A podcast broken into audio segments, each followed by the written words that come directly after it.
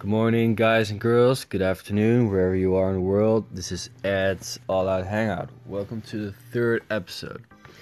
In this episode, I'm gonna discuss uh, one of my favorite albums ever, uh, which is The Fragile by Nine Inch Nails. Um, Nine Inch Nails one of my favorite bands slash projects uh, that is ultimately led by Trent Reznor and I'm a huge fan of the guy. And in this podcast episode, I'm going to delve deeper into the album that is the Fragile, um, because the album is really interesting. It's it's deep. Uh, it's actually a departure from what Trent did with his previous Nine Inch Nails albums, uh, Pretty Hate Machine and The Downward Spiral. And there's actually a lot of philosophy to be found on the album The Fragile. Um, some of you might already have known uh, some of the music. A lot of music was featured in a trailer of the movie 300, um, one of the songs on the album. And for this episode, I'm going to let you hear some segments of the album. And I'm just gonna go into further detail and explore a bit how the album came to be how it was created and how it led to other Nine Inch Nails music and projects and further influences that Trent Reznor has. Um, again, I hope you like this episode and cheers. Uh, so the piece that you just heard was actually a song called "Just Like You Imagined," and maybe you guys can remember it from the 300 trailer. Maybe, maybe not. Um, but that was actually a great piece that actually combined the whole sense of the Fragile album. Um, it's instrumental. It begins in a really calm manner, but it, it just erupts with like electric guitar. It's being all frenzied. Um, and the next piece of music that I'm going to show you is actually from Nine Inch Nails' previous album, The Downward Spiral. It's called A Warm Place, and the whole concept of the album was much more darker, much more dangerous, maybe, as it is. Uh, it's actually about a man like eventually just self-destructing, and that's what the music attempts to well bring bring across. Um, I listened to it one time. I got genuinely scared after a little while just listening to the whole album. Um, great album, nevertheless, but really, really aggressive. Like Trent's just trying to get rid of the voice in his head. Um, and the fragile is actually much more about you know dealing with fear, dealing with insecurities. Um, I think he might have been de- de- been depressed at the time. Um, but the fragile is much more about like, discovering the whole self, the mind, and, and basically continuing on after that. Um, I don't think a lot of Nine Inch Nails albums after those two uh, grasp the same complexity of, of, of concepts about the self.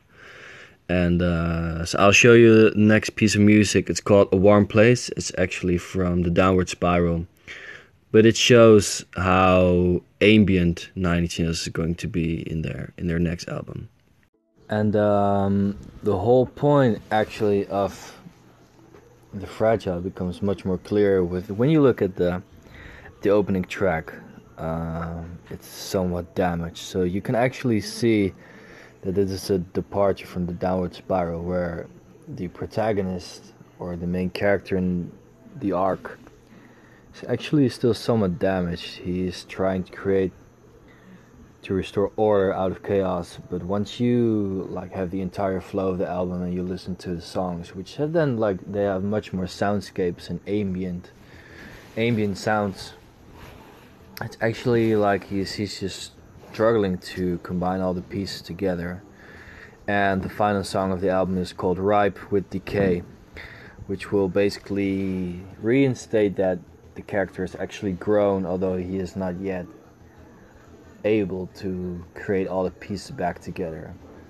Um, he has gone through this process of self reflection, hatred, anger, Uh, basically, just yeah, to have the struggle within the double concept album um, has been great. I think, in general, the Fragile is probably the best Nine Inch Nails album. Um, I really like Pretty Hate Machine as well because he Trent really combines the like he makes it a dark disco sound. And it's actually it's quite danceable. It's dark. It's it's good. It's weird and people liked it back in the days. Um, so you could see why it was so why it was so big at the time. But um, with the fragile i think he also incorporated a lot of stuff which he went on to create uh, soundtracks for example one of the soundtracks that i re- really like to listen to is the from gone girl or uh, the girl with the dragon tattoo the social network um, and that are those are those are all soundtracks that he that he made with Atticus Ross, his longtime collaborator, and basically I think it made him a better musician. All in all, because uh, their latest album, full size, full length album, Hesitation Marks, actually incorporates a lot of different elements.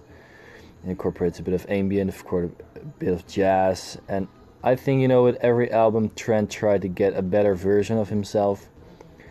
Um, in that regard, Fragile is definitely one of the most prominent albums that he has ever made. Uh, just because it incorporates so much.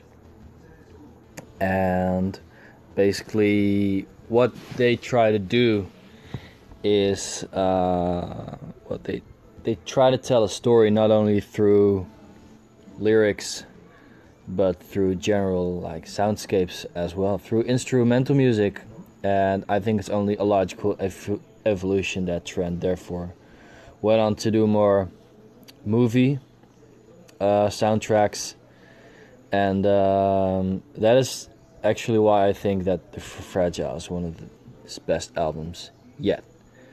Um, I hope you liked this episode, and I hope you got to know a bit more about Nine Inch Nails, about their work, about his work, about Trent's work, uh, what he's gone through, uh, why he made such choices, and uh, I hope you liked it. I'll share a snippet from the Before the Flood documentary soundtrack, which was um, scored by Mogwai and uh, both Trent Reznor and Atticus Ross. And um, if you haven't seen the documentary yet, go ahead, do it.